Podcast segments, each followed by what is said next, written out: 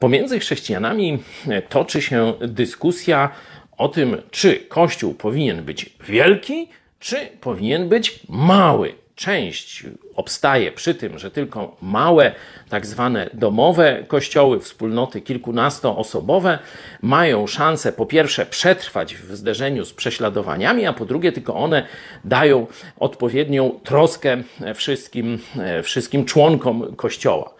Z kolei zwolennicy wielkich kościołów, wielkich liczb mówią, że wielkie przedsięwzięcia można zrealizować mając wielkie zaplecze, że dopiero w wielkim organizmie jest wielość przeróżnych talentów, funkcji i dopiero tam może każdy znaleźć swoje miejsce.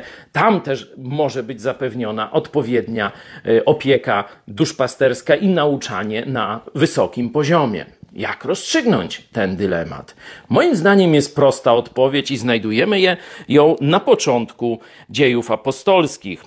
Drugi rozdział dziejów apostolskich, werset 46.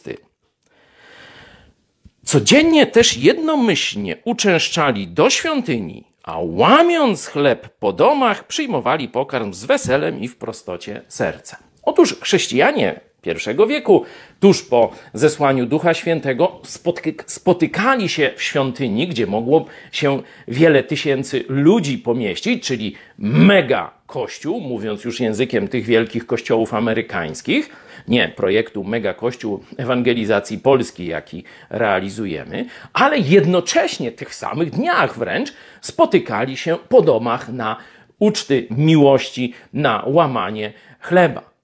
Czyli Kościół powinien jednocześnie mieć dużą siłę i właśnie te wielkie możliwości, ale jednocześnie troskę na poziomie rodziny, na poziomie bardzo dobrze znających się przyjaciół. Jedno drugiego nie wyklucza. Wzór apostolski jest połączenia tych dwóch koncepcji, więc nie stawiajmy ich naprzeciwko siebie.